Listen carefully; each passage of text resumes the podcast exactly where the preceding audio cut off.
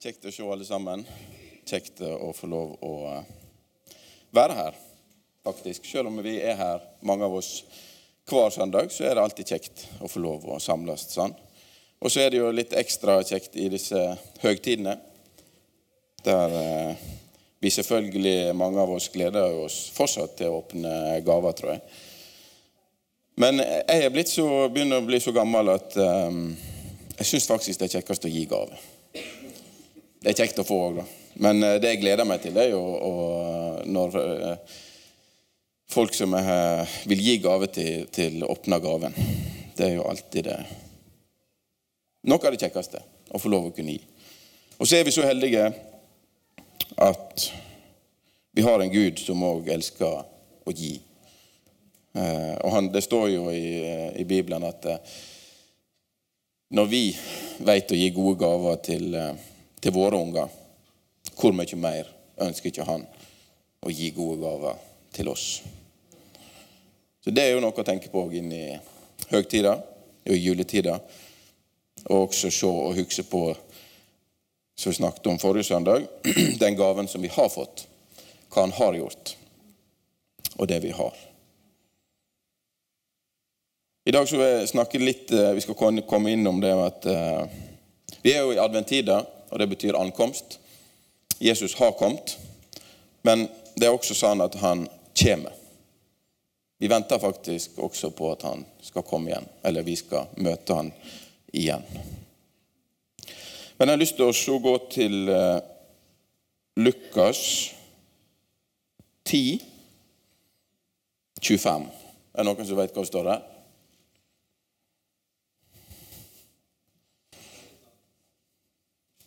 Der står det altså om eh, den miskunnsame samaritan. Samaritanen. Den barmhjertige samaritan. Det høres sikkert kjent ut for mange. Det er jo en flott historie som Jesus forteller. Men vi skal lese innledninga først til hvorfor eh, han forteller denne historien. Og Det begynner i 25. Og Da steg det fram en lovkyndig og han ville sette Jesus på prøve og sa, Meister, hva skal jeg gjøre så jeg kan arve evig liv? Hva står skrevet i lova, sa Jesus. Hvordan leser du? Og han svarer, du skal elske Herren din Gud av hele ditt hjerte og av hele ditt sjel og av all din makt og av all ditt vit, og du skal elske nesten din som deg sjøl. Da sa Jesus, 'Du svarer rett. Gjør det, så skal du leve.' Det var jo forholdsvis kort svar, da. Men når jeg leser dette her, du skal elske Herren din Gud av hele ditt hjerte, av hele din sjel, av all din makt, av all ditt vit, og nesten som deg sjøl, så går motet litt ut av meg, da. Eh, og jeg tror det er sånn at hvis du sitter her og tenker at det går bra. Så uh, tror jeg nesten jeg må si det at det er ikke det. Du klarer ikke det. Uh, og jeg, jeg, så opp, uh, eller slo opp da, og så på grunnspråket og ordene som var brukt der. og det, det, det, er veldig tydelig at det er alt ditt vit. Og det er av hele din forstand. Absolutt alt. Og hele din sjel. Og alt du har. Du skal ikke være noe igjen annet enn til å elske Herren er Gud. Men så sier jo Jesus, du svarer rett, for dette er det lova sier. Det er faktisk dette, det er jo det, det lova som sier dette der. Eh, og det blir referert fra Gamle Testamentet. Eh, du svarer rett, gjør det, så skal du leve. Men mannen ville gjøre seg rettferdig og spurte. Så han ville gjøre seg sjøl rettferdig. For han, han kommer til meisteren og så spør han hva skal jeg gjøre så jeg kan arve evig liv? Hvis vi kommer til Jesus og spør Jesus, hva skal jeg gjøre så jeg kan arve evig liv? Da er det hva sier lova du skal gjøre? Og Han oppsummerer lov, for lova er oppsummert i du skal elske Gud, og det vil oss av hele sjel, og elske nesten din som deg sjøl. Men han ville rettferdiggjøre seg sjøl og spurte, Hvem er så nesten min? Og Hvor mange av oss har ikke tenkt den tanken? Jo, vi skal jo være gode mot alle, og vi skal elske nesten som oss sjøl. Men, men hvem er egentlig nesten min? Hvem er det jeg skal elske som meg sjøl? Hva er det egentlig det betyr? Hva, hva vil det si å leve dette? Og Da svarer Jesus med lignelsen, eller med fortellinga om den miskunnsomme samaritanen.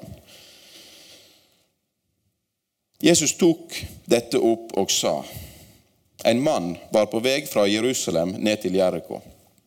Da falt han i hendene på røvere. De reiv av han kledet og skamslo han. Så gikk de sin vei og lot han ligge der halvdød. Så hendte det at en prest kom samme veien. Han så mannen, men gikk utenom og forbi. Det samme gjorde en levitt. Han kom dit, så mannen og gikk rett forbi. En samaritan som var ute på reise, kom òg den veien. Og da han fikk se mannen, fikk han inderlig medkjensle med han. Han gikk bort til mannen, helte olje og vin på såret hans og la forbinding på dem. Så løftet han mannen opp på eselet sitt og førte han til et herberge og stelte vel med han.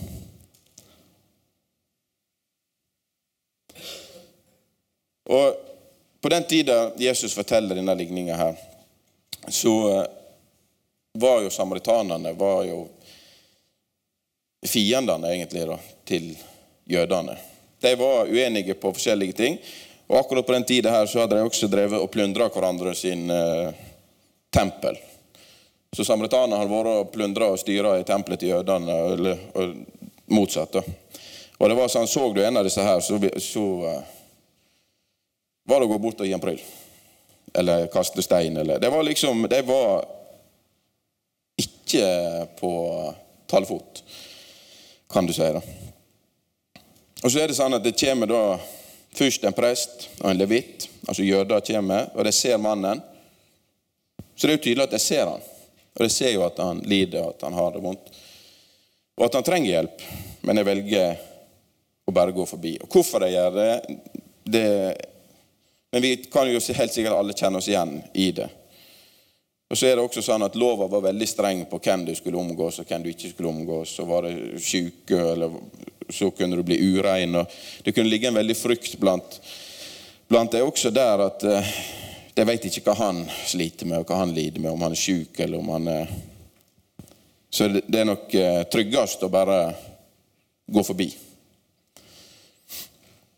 Og så En kjenner jo ikke han, så er det egentlig nesten min? Må jeg egentlig gjøre det? Må jeg egentlig, er det egentlig krevd av meg å gjøre noe med det? Jeg velger da å bare gå forbi. Men en samaritan for nå, et sånn som jeg forstår det, så er han som er skamslått, han er mest sannsynlig da jøde. Så kommer samaritanen, men han ser han. Og det som skjer når han ser han, er at han får inderlig medkjensle. Jeg slo opp det ordet, liksom, det, og det, det, betyr at det, du blir Du blir bevegd på innsida. Det er noe som skjer inni. Når du ser han, så blir du bevegd til at du, du bare Han må jeg hjelpe. Han må, han må jeg virkelig hjelpe. Så han klarte ikke å gå forbi. Han hjalp han helte olje og vin på såret hans, la forbinding på dem, lufte mannen opp på eselet og førte han til et herberge og stelte vel med han. Og Morgenen etter så tok han fram to denarer, gav dem til verten og sa:" Sørg vel for mannen, og må du legge ut mer, skal du få det når jeg kommer tilbake. Så han gjorde jo på mange måter veldig mye mer enn det han egentlig måtte gjøre bare for å hjelpe han. Han gjorde kanskje det som Jesus vil ha fram her, at han elsker nesten som seg sjøl. Han gjorde det som han hadde ønsket at noen gjorde med han hvis han var i den situasjonen. Tok han med, stelte med han, fikk tak over hodet, betalt for han og han kunne være der så lenge han trengte. Og var det noe mer, så skulle han komme tilbake og betale for det også. Og så sier han, Hvem av disse tre tykker du viste seg som en neste for han som fall i hendene på røveren? Den som viste miskunn mot han, svarer den lovkyndige. Da sa Jesus, gå du og gjør som han. Og der igjen så er det jo Ja, det er jo flott.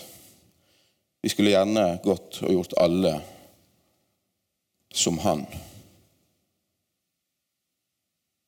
Men hvis en kommer og ønsker å bygge opp en sjølrettferdighet, som denne mannen ville, egentlig, som det står her,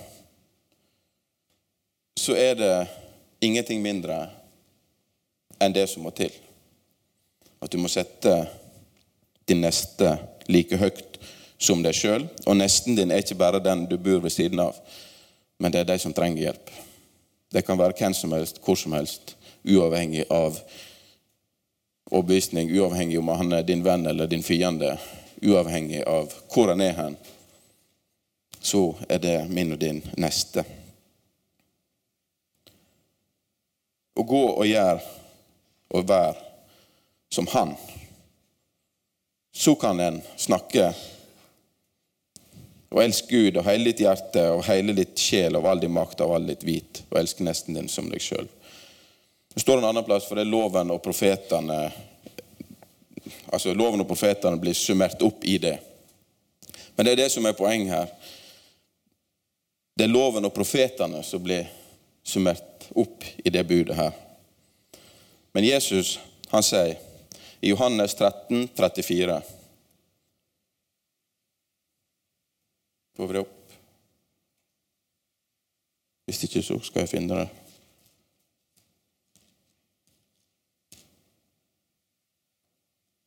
Et nytt båd gjev dykk. De skal elske hverandre. Som jeg har elska dykk, skal de elske hverandre. Det er en stor forskjell, men allikevel omtrent det samme. Loven og profetene blir summert opp i det som Jesus sier her. Og det er helt rett.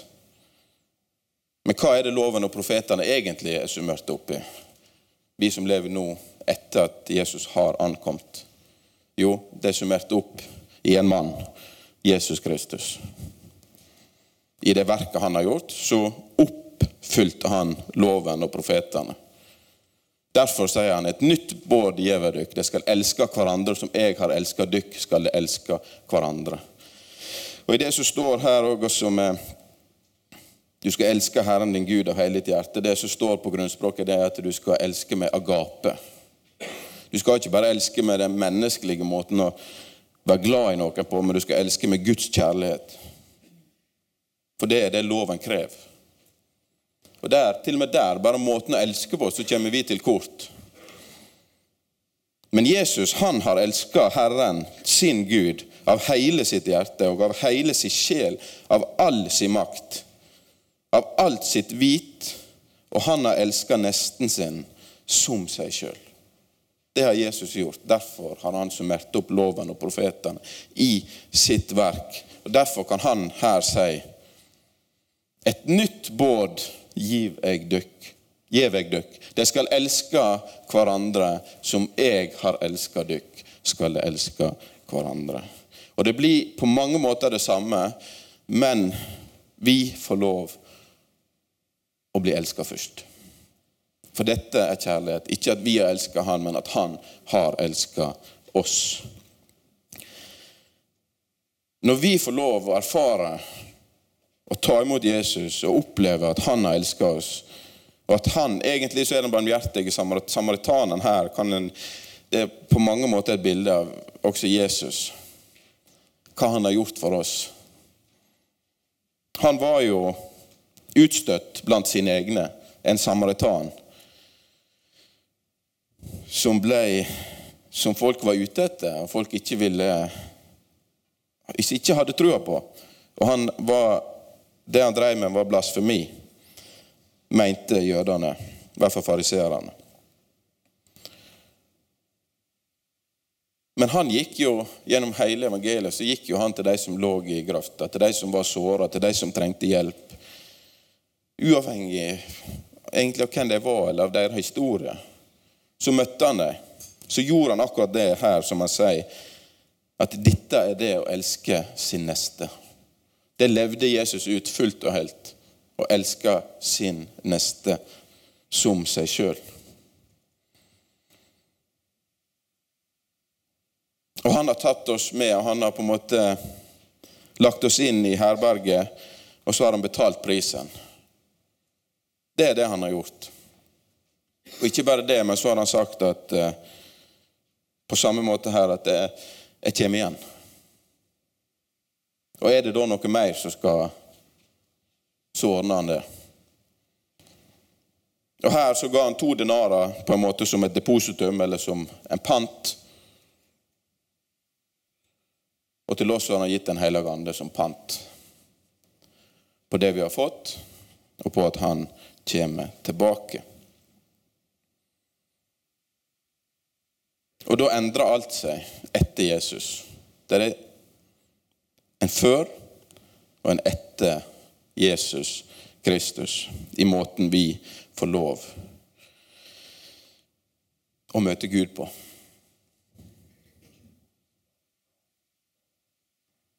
Men det betyr ikke at Gud har forandra seg. For Gud er alltid den samme i all evighet og vil alltid være det. Men det er forskjellige, det er ulike tider. Det er ulike måter Gud ønsker å møte oss på. Og Vi lever i nådens tidsalder, der vi ikke lenger er under lova, men under nåden. Produktet er meninga skal bli det samme. Men veien til produktet er umulig gjennom loven. Men den er mulig gjennom Kristus. Gjennom Kristus så skal vi få kraft til å leve det livet vi ikke klarer. Gjennom Jesus, at han får lov å elske oss først, så skal vi få lov å elske vår neste som oss sjøl. Gjennom Jesus så skal vi få lov å kjenne at vi elsker Herren, vår Gud, av hele vårt hjerte og hele vår forstand, fordi Han har elsket oss først. Og vi ønsker å legge ned livet for Jesus og for Gud. Fordi han har gjort det mulig. Og det er bare helt fantastisk. Men det er også det som er evangeliet. Og Det er derfor vi òg feirer Jesu fødsel. Vi feirer at Jesus ble ofra. Vi feirer at Jesus sto opp igjen. Og det skal vi feire hver dag. Men i de ulike høgtidene så er det ekstra fokus på akkurat det. Men her så er det også tydelig at han kommer tilbake. Jesus lever i dag, og han er ikke ferdig med oss. Og løfter som han har gitt, alt er ikke gått i oppfyllelse, for det gjenstår fortsatt at vi skal bli som han. At vi skal få en ny kropp at vi skal få komme hjem der vi faktisk er innskrevet i manntall, der vi har vårt borgerskap, som da er i himmelen. Første Tessalonika 4, 13-18.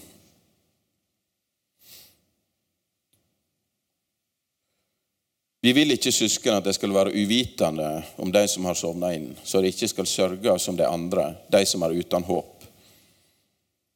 For så sant Jesus døde og sto opp, og det tror vi, så skal også Gud ved Jesus føre de som har sovna inn, sammen med han.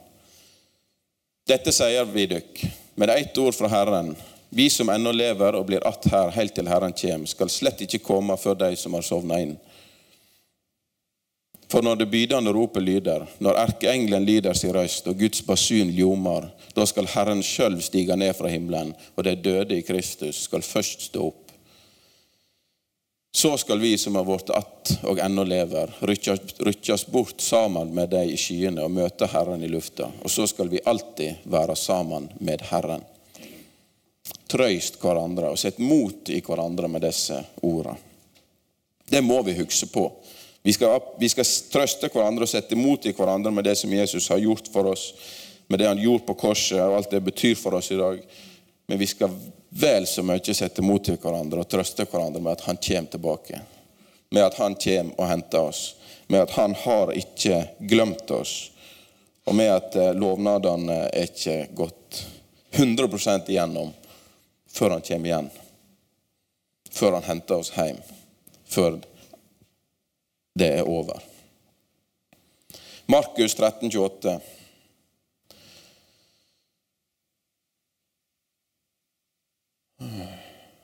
Ja. Lær denne likninga av fikentreet. Når det kommer sevje greinene og løvet spredt, da veit jeg at sommeren er nær.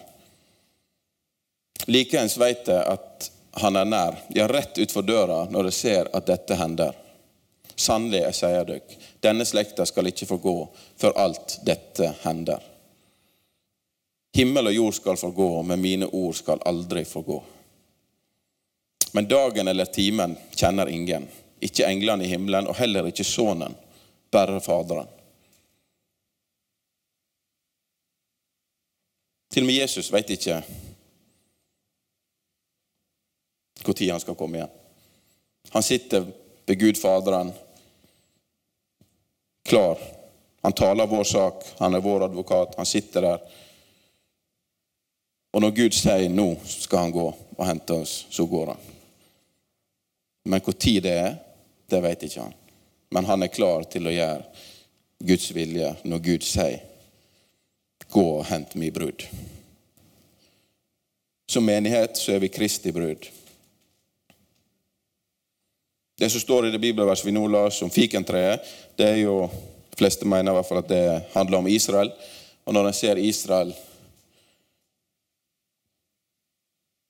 bli til igjen, som vi så i 1948, så står det jo i hvert fall mange tolker det sånn. da. Til den generasjonen som ser det, skal ikke forgå før han kommer igjen. Og Så står det om at vi skal kjenne tida på det. Vi skal kjenne tida på det som skjer med Israel, og det er jo derfor Israel er også essensielt i trua vår og i Bibelen og i tida hele veien gjennom så er Israel sentralt i, blant profetene og blant profetiene som Gud gir. Og det skal hjelpe oss til å kjenne tida. Men ingen kjenner dagen, og ingen kjenner timen. 1. Korinteren 15, 50. Det blir litt bibelvers, men det liker vi. Sant? Men det sier jeg, søsken, at kjøtt og blod kan ikke arve Guds rike. Og det som er forgjengelig, skal ikke arve det uforgjengelige. Sjå, jeg sier dere en løgndom. Vi skal ikke alle sovne inn, men vi skal alle bli omskapte. I hast, i en øyeblink, når den siste basunen lyder, for basunen skal lyde, og de døde skal stå opp uforgjengelige, og vi skal bli omskapte. For dette forgjengelige må bli kledd i uforgjengeligdom, og dette dødelige kledd i udødeligdom. Da blir det ordet oppfylt som står skrevet. Døden er slukt, og seieren er vunnen.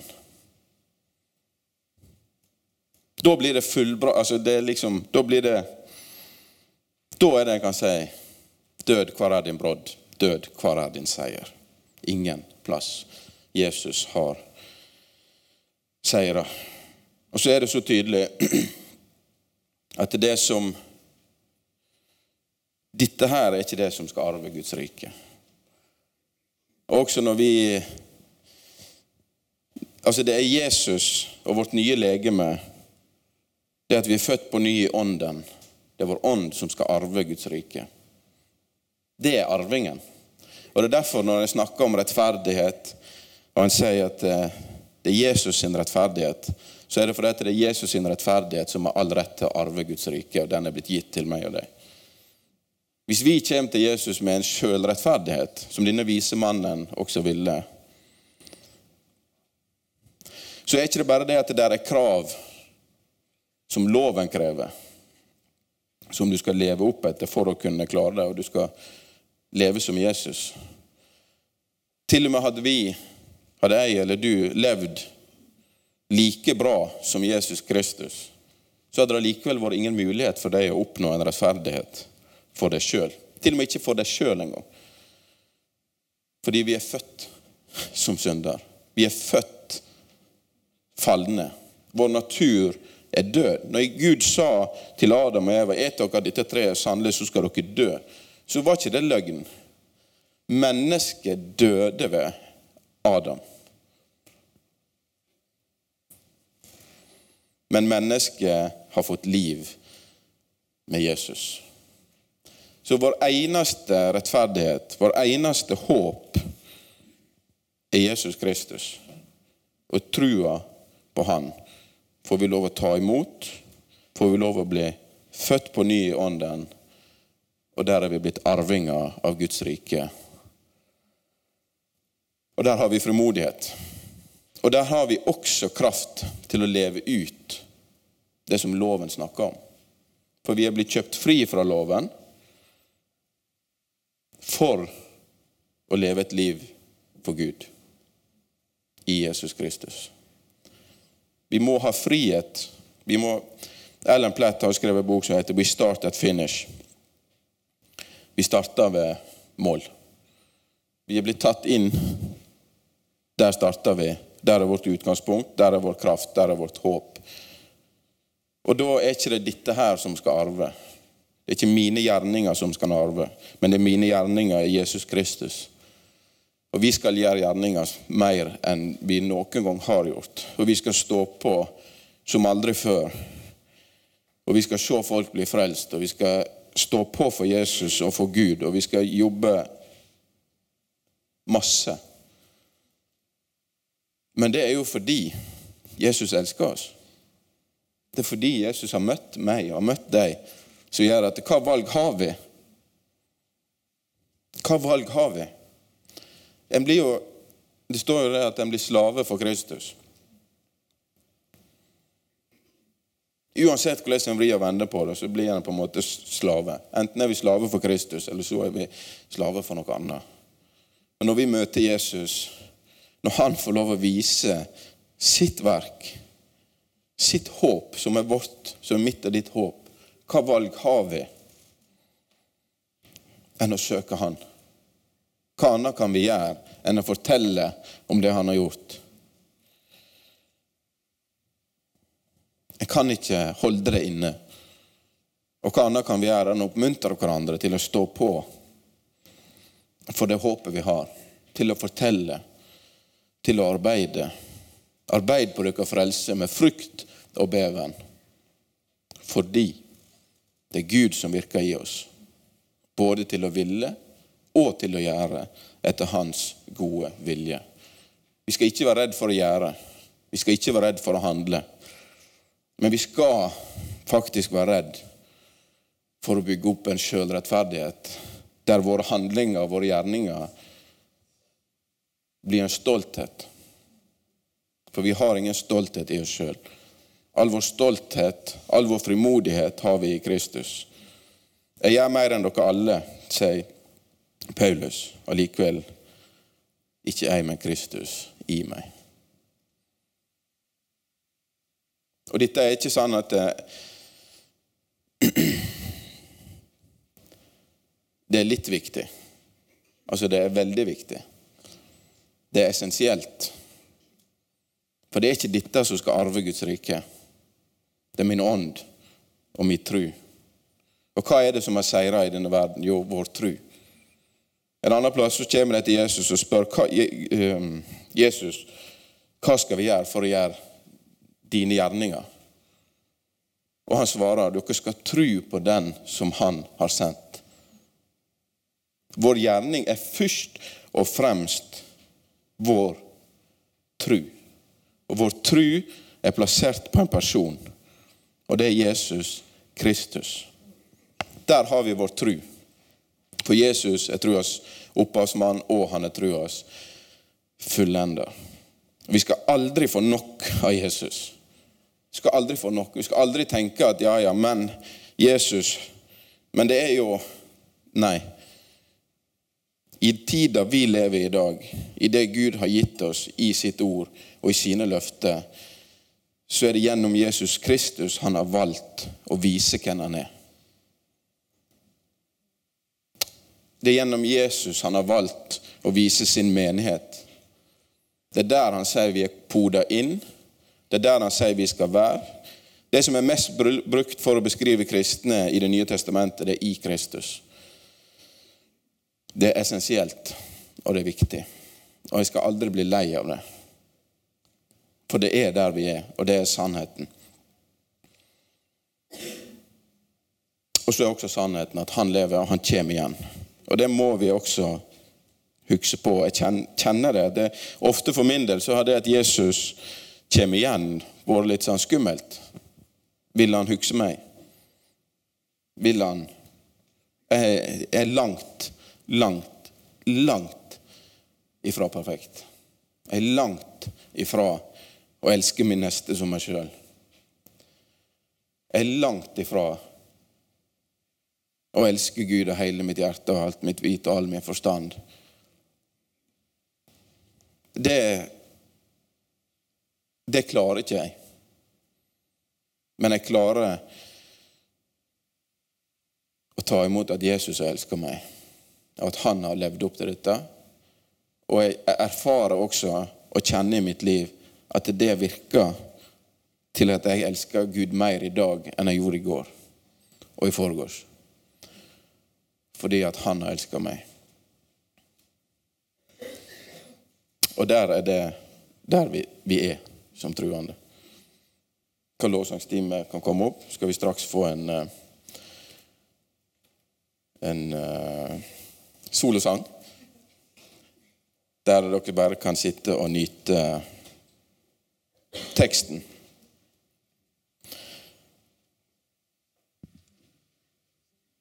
Men Jesus har betalt prisen, og han kommer igjen, og han har ikke glemt meg og deg. Og det å plassert vår tro på Jesus, det er en trygghet. Det er noe som er trygt, det er noe som er godt, det er noe vi skal oppmuntre hverandre med. Han kommer igjen. Han kommer og henter deg. Vi skal få se, du skal få se det, det fullbrakte. Du skal få oppleve det som er perfekt. Du skal få lov å si døden, hvor er din brodd? Jesus har seira. Vi skal få lov til å oppleve det. På hans sine løfter og på hans sitt verk så skal vi få lov å møte han. Og det kan ikke være noe som er til mer oppmuntring enn det. Og i jula, når vi da feirer at han ble født inn, så la oss også huske på å feire at han har gitt oss panten. Han har gitt oss arven. Han kommer igjen. For det er i hvert fall til stor oppmuntring for meg at vi skal få lov å møte han. Takk for at du hørte på. Har du spørsmål eller ønsker å koble deg på kirka, ta kontakt på mail eller gjennom vår nettside. Håper du vil høre på neste uke også, eller at vi sees på gudstjenesten.